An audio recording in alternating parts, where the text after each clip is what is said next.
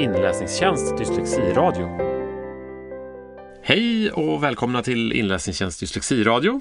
Nu är det dags för ännu en sändning i vår speciella podcast som berör dyslexi av olika slag. Och eh, med mig i studion idag har jag Karin Stenström som är projektledare vid SBU, Statens beredning för medicinsk utvärdering, om jag har fått allting rätt. Välkommen! Tack så mycket! Tack Jakob för att jag fick komma. Ja, och som sagt, jag, jag som pratar här idag som intervjuar heter Jakob Skogholm, VD på Inläsningstjänst. Eh, dagens ämne tänkte vi kretsa lite grann kring SBUs rapport som kom ut i eh, augusti, tror jag det var. Eh, vi har redan haft en podcast om detta med Stefan som var professor och ansvarig för själva rapporten. Men du, Karin, du har varit projektledare för rapporten. Kan du utveckla vad gör en projektledare? Ja, eh, jo, en projektledare vid SBU gör ju en hel del saker, men det viktigaste är att vi leder våra experter så att de följer våran metodik, SBUs metodik. Eh, och i det här fallet så gällde det ju en rapport om dyslexi för barn och ungdomar och eh, det var inom ramen för ett regeringsuppdrag. Så Socialstyrelsen bad oss att göra det här, att titta på vilka tester och insatser som har vetenskapligt stöd. Ja, så din, eh, du kan väl sägas då vara mer expert på metodik än på dyslexi? Är det korrekt eh, Korrekt, absolut korrekt uppfattat. Men efter den här rapporten kanske också ganska insatt i dyslexi och de olika svårigheterna som finns där? Absolut, det har man fått ta del av. Ja, det låter bra. Och eh, den här rapporten har ju jobbats fram under flera år, förstår jag, eller ett och ett halvt år? Och sånt. Vi fick uppdraget i februari 2012 så att det, det tog ett och, två och ett halvt år tog det två att år, göra klart. Ja. ja. Och kom ut i augusti och en ganska mastig lunta att läsa om man vill ta sig igenom helheten. Absolut, det var ju 12 743 studier som eh, vi gick igenom. Det var ju all världens forskning på just, eh, som handlar just om tester och insatser för barn och ungdomar med dyslexi. Eh, och vi, vi tragglade oss igenom alltihopa och där är det ju en, en gedigen uppgift att eh, se om studierna helt enkelt stämmer för de frågeställningarna som vi satte upp för ramen av projektet och eh, om de är relevanta och, och framförallt sen vilken kvalitet de här studierna har. För i slutändan var det ju bara 59 studier som uppfyllde kriterierna för att inkluderas och eh, för resultaten som hade tillräcklig kvalitet. Ja, vi återkommer alldeles strax till metodiken här, men eh, bara kort, vad var frågeställningen? Vad var liksom uppdraget att utreda? Ja, uppdraget att utreda var tredelat skulle jag säga. Först var det att se om det finns några förmågor som kan förutsäga dyslexi redan innan barnen har börjat skolan. Om det finns förmågor man kan mäta eh, som sedan kan predicera, förutsäga dyslexi senare. Så det var en fråga. En annan fråga var att titta på tester, eh, tester för att upptäcka och utreda dyslexi. Eh, om det finns tester som har stöd i vetenskapen. Och det tredje var att undersöka vilka insatser som eh, fungerar då helt enkelt för barn och ungdomar med dyslexi. Så om det finns några insatser som har vetenskapligt stöd. Och där inkluderas även de alternativa verktygen som, som appar i mobiltelefonen eller läspennor och så vidare. Ja. Eh, och då kommer vi till metodiken lite kort. Bara, eh, som du redan var inne på här så handlade det mer om att titta på den forskning som finns än att genomföra någon egen forskning? Absolut. Eh, vi på SBU är ju en oberoende myndighet eh, som inte har något eh, anslagsgivande och vi gör ingen egen forskning utan vad vi gör är att vi sammanställer den forskningen som redan finns där ute och visar på kunskapsunderlaget, så det är en kunskapsöversikt. Och i det här fallet så hovade vi in då de här 12 743 studierna med hjälp av olika databaser som man söker i. Tre stycken olika databaser. Ehm, ja, och sen är det upp till experterna då att gå igenom det här gedigna eh, materialet och eh, med hjälp av strukturerade mallar då titta på relevans och kvalitet för de här studierna. Och det är de 59 studierna som uppfyllde eh, kvalitetskraven som blev inkluderade och som resultaten bygger på helt enkelt. Ja, så att eh, utifrån en väldigt stor mängd forskning som ni tittar på så är det en väldigt liten andel som så att säga är grund för resultatet. Absolut, och det är kanske inget unikt ska jag säga med just det här projektet utan det är vanligt i eh, SBU-sammanhang att det blir en liten del kvar. Finns det en, en, risk då att man någonstans missar väldigt viktig forskning för att den ja, på någon eh, parameter, stor eller liten, så diskvalificeras? I... Absolut inte skulle jag säga, utan man eh, tittar igenom all forskning och kollar om det svarar för den frågeställningen man satt upp, i, i det här fallet de här tre frågeställningarna och, eh, så att det är inte att man har missat några studier. I det här fallet var det lite svårare för att forskarna i det här området skriver oftast inte i sammanfattningen, i abstract det första, vad, vad det är för population och vad det är för insats eller om det är någon kontrollgrupp, utan vi fick beställa en stor mängd studier i fulltext och gå in i studierna för att få reda på det här. Så det är väl en uppmaning till alla forskare där ute som lyssnar att eh, vara noga med hur man skriver eh, abstract och eh, sammanfattningen. Ja, bra tips. Hoppas vi har några forskare bland lyssnarna. Eh, men hoppa in lite grann till pudelns kärna då. Eh, för de som har följt den här, eh, både satt sig in i undersökningen eller utredningen men också följt lite efter debatten så har det varit lite debatt kring detta. I synnerhet, jag vet några av våra kunder som har liksom fått, vi jobbar ju mycket mot specialpedagoger och, och skoldatatek som har fått frågan, ja men är det det här var ju ingen bra rapport. Det visar ju på att äh, ingenting fungerar ungefär. Eh, där man, intrycket man lätt kan få om man, om man läser både rapporten men också kanske än mer sammanfattningen. Eh, vill du utveckla det där lite grann? Vad, vad är det jag pratar om? Ja, eh, det kan jag ju tycka är synd då att man, när man tycker att det, att det kan vara dåligt. För att vad rapporten än säger så ger det ju ett mervärde för framtiden. För att i det här fallet så identifierade vi 78 stycken kunskapsluckor. Och kunskapsluckor är ju där det saknas studier och studierna har brister på vissa frågeställningar. Eh, och det här är ju för framtiden och det här registreras i vår databas på SBU. Där finns det för närvarande snart 1300 luckor. Eh, så forskarna vet vad de kan sätta tänderna i framöver. Så det är ju ett jätteviktigt arbete att inte bara säga, nu i den här rapporten har vi faktiskt hittat något som har vetenskapligt stöd, vilket är jätteroligt, men också en hel del luckor. Men eh, så jag tycker inte att, eh, men sen är det ju det att man ska förstå eh, vad resultaten säger och där kan ju våran terminologi vara lite svår ibland när vi använder oss av begreppet otillräckligt vetenskapligt underlag, som då inte betyder att någonting är dåligt, utan det visar på att vi säger att här finns det inga studier eller de studierna är bristfälliga. Och eh, det betyder helt enkelt bara att vi inte kan, vi kan inte uttala oss om effekten av en insats eller av ett test, utan det behövs helt enkelt mer forskning för att kunna klargöra det här.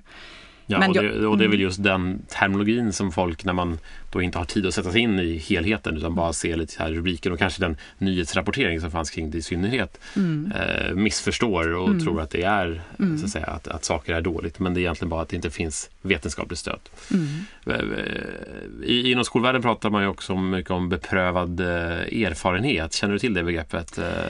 Har du stött på det i sammanhanget? Eh, absolut. Eh, beprövad erfarenhet det är ju en, en del som vi har med i rapporten. Man kan säga att vi har som eh, tre stycken bollar som innehåller evidens och forskning men också beprövad erfarenhet och elevernas behov och önskningar. Och det är i skärningen av de här tre som ett vändiagram, det är där rapporten ska ligga. Så vad vi har den här beprövade erfarenheten, det är ju våra experter. Vi rekryterar ju experter till alla projekt och i det här fallet hade vi med specialpedagog, lingvist, psykolog, skolläkare, eh, logoped och så vi var en bred expertbank med i det här projektet. Och de har ju en beprövad erfarenhet med sig in, vilket gör att eh, projektet blir som det blir. Ramarna för projektet sätts som de gör. Ehm, och eh, vi har även, eh, elevernas behov och önskningar uppfylls ju av att vi haft nära kontakt med brukarorganisationer och intresseföreningarna inom det här området innan vi startade rapporten och haft uppföljningar med dem. Och sen söker vi ju världens forskning. Så att det är meningen att rapporten ska vara en skärning av de här tre och beprövad erfarenhet. Men innebär det i, i klartext att beprövad erfarenhet blir kommer in som vetenskaplig grund. Så att säga. För det känns ändå för mig är, någonstans, det, ja hur ska man säga, det, det, känns inte helt logiskt om det skulle vara just vetenskaplig grund men det är ändå en grund som skolan står på. Så att säga. Ja det är det ju. I områden som är svårt att vetenskapligt bevisa. Ja, eh, när det gäller beprövad erfarenhet så kan det ju mätas väldigt ofta i eh, kvalitativa eh, studier och det är någonting som vi inte har tittat på i det här fallet som är enkäter och intervjuer och så.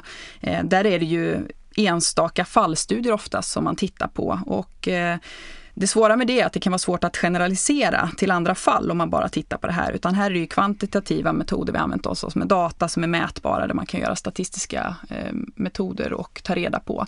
Eh, men det är, så inom ramen för SBU-projektet så är det kvantitativa studier som har inkluderats. Men vad jag menar är att experternas erfarenhet har ju tagits med när man tänker på vilka mått vi har tittat på. Vi har kollat på stavning men vi har också kollat på kunskapsinhämtning och livskvalitet hos de här barnen. Så att man inte missar någonting. Okay. För skulle vi själva sitta och, och eh, skriva projektplanen så, eh, så är det ju, skulle vi säkert missa massor. Så experterna är våra ambassadörer och det är det viktigaste vi har. Mm. Intressant. Eh, hur, kan du utveckla lite grann, hur, hur har den rapporten tagits emot så här, spridningsmässigt och har ni, har ni gjort någonting utifrån det faktum att folk missför, missförstår det här mm. slutsatsen? Vad har, ni, vad har ni gjort där? Rapporten kom ju ut 13 augusti i år här nu 2014 och det har varit en massiv kommunikativ insats skulle jag vilja säga för det här projektet, lite utöver det vanliga. För vi har ju lyssnat på mottagarna här så att eh, rapporten har ju lästs in så man kan läsa, man kan lyssna på rapporten på sammanfattningen och slutsatserna inläst av Samuel Fröler. Man kan titta på en liten filmsnutt som finns på vår hemsida, en film så för att nå ut, som ligger på Youtube eh, och haft oerhört många klick ska jag säga. Eh, vi har ju också eh, tryckt upp den här i eh, en upplaga och jag kan säga att eh, vid första eh, kongressen där som var 14 augusti i Folkets hus där så gick det 500 rapporter på två timmar så att vi har delat ut 1500 rapporter och fått trycka upp mer. Och när det gäller sammanfattningar och slutsatserna så har de delats ut till 15 500 ex som det är nu. Så det har varit en fantastisk spridning. Och det här är lite utöver det vanliga sa du? Ja, lite utöver det vanliga i och med inläsningen och filmen och även mm. podden. Vilket jag tycker är jätteroligt för då kan vi, kan vi nå ut så långt vi kan. Och det, det är ju viktigt om det missuppfattas tycker jag, att man har möjliga, eh, möjliga kanaler att sprida det på och försöka förklara. Och vi har ju även varit med på dyslexidagarna i Malmö 24 oktober. Vi pratade och delade ut rapporten och berättade mer om detta.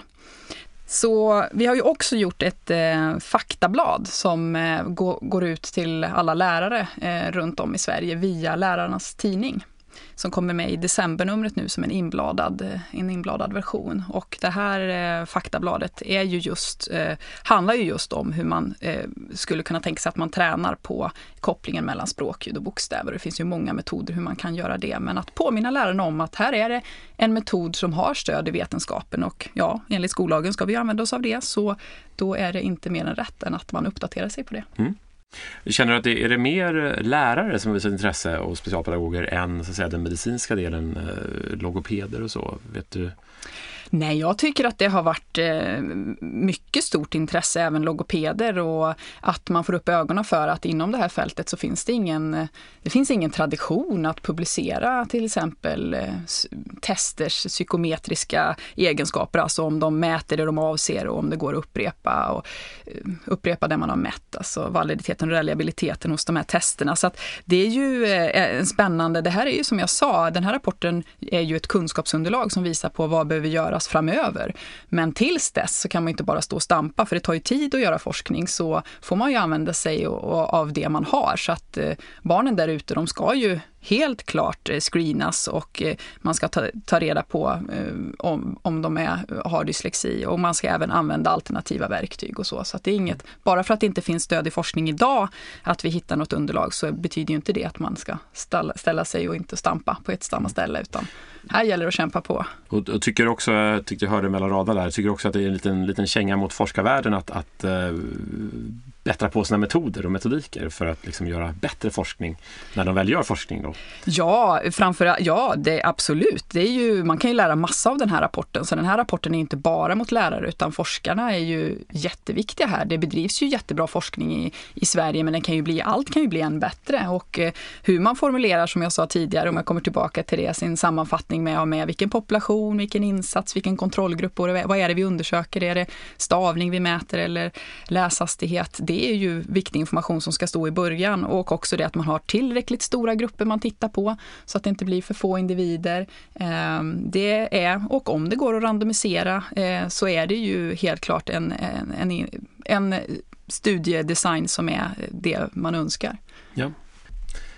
Eh, väldigt intressanta in, in, in, inlägg här. Va, titta framåt lite grann. Och eh, den här metoden som ni har jobbat med inom SBU då för, för eh, kartläggning av studier eh, verkar ju vara ganska populär när den kommer till skolan då, eh, utifrån att det är första undersökningen som touchar skolvärlden.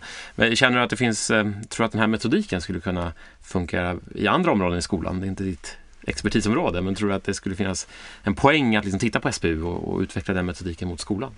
Absolut. Eh, det var jättespännande att vi fick det här projektet. Men eh, vanligtvis så utvärderar vi ju medicinska. Men vi rör oss mer och kommer eh, möjligen få ett nytt, det är ju i slutet av december, här får vi ett nytt regleringsbrev där vi ska undersöka socialtjänsten också inom SBU tror jag. Så att absolut, det rör sig inom det här området. Och vad som ligger i pipeline är ju ett skolforskningsinstitut som blir då som ett SBU i skolan. Och vi får se om det här går igenom här nu i januari eh, om, om det startar upp. Men det är ju Per Tullberg där som är regeringens statliga utredare för det här eh, nya, den nya myndigheten. Och det ska bli jättespännande för då finns det ju möjlighet inom ramen för, för den myndigheten att helt enkelt titta på metoder i skolan. Och eh, jag vet att det har riktats kritik, jag har läst i Lärarnas tidning om att det riktas kritik om att det finns ju inga eh, studier där ute som är randomiserade som den medicinska. Men likväl, man behöver, om det är beprövad erfarenhet eller vad det än vilar sig på, kvalitativt kvalitativa studier så behöver det här ju dokumenteras och man måste kolla på det över tid och man måste också utvärdera den forskningen. Så att eh, jag ser inte något hinder i, det skulle ju vara klockrent om det blev ett SBU i skolan, så i och med att ja, som det står i skollagen, att det ska vila på vetenskaplig grund, så får man ju ta det, det bästa som finns i dagsläget. Ja. Vi, vi får hålla tummarna att det blir så, även om i dessa budgetkriser man aldrig vet vad som kommer hända. Men, eh, men det är en väldigt eh, lovvärd idé. Så håller vi tummarna för. Eh, vad bra, men då eh, har jag nog kört slut på mina frågor. Är det någonting du vill tillägga till lyssnarna? Ja, eh, vi har gjort kunsk kunskapsunderlaget nu på SBU och nu är det ju Socialstyrelsen och Skolverket som tar stafettpinnen vidare. Eh, de har eh, lovat att de ska uppdatera de här vägledningsdokumenten som ligger till grund för elevhälsan våren 2016. Ehm, de blev ju uppdaterade i april i år, eh, 2014, men då eh, var ju tyvärr inte vår rapport klar. Så jag skulle tycka det var väldigt intressant att, att lämna stafettpinnen vidare till Jakob här, att försöka få någon från Skolverket och, eh, och Socialstyrelsen att komma hit till podden i framtiden och höra vad de har att säga om hur de ser på den här rapporten och vad de, hur de tänker jobba med det här. Så, att, eh, så jag eh, slänger frågan vidare här till Jakob och, eh, och om det är någon som har några funderingar så får man gärna höra av sig. Ja, Ja, det låter bra. Jag tar, jag tar stafettpinnen och ser vad jag kan göra av den. Eh, och hör av sig kan man göra till dig direkt eller via vår Facebookgrupp som eh, Karin kommer bli inbjuden till också, om du inte redan är det. Eh, där kan man ställa frågor och diskutera med sina kollegor rakt upp och ner utan någon moderering eller något. Enkelt och lättillgängligt. Så välkommen att eh, möta oss där helt enkelt. Mm. Tack så mycket Karin. Tack för att jag fick komma.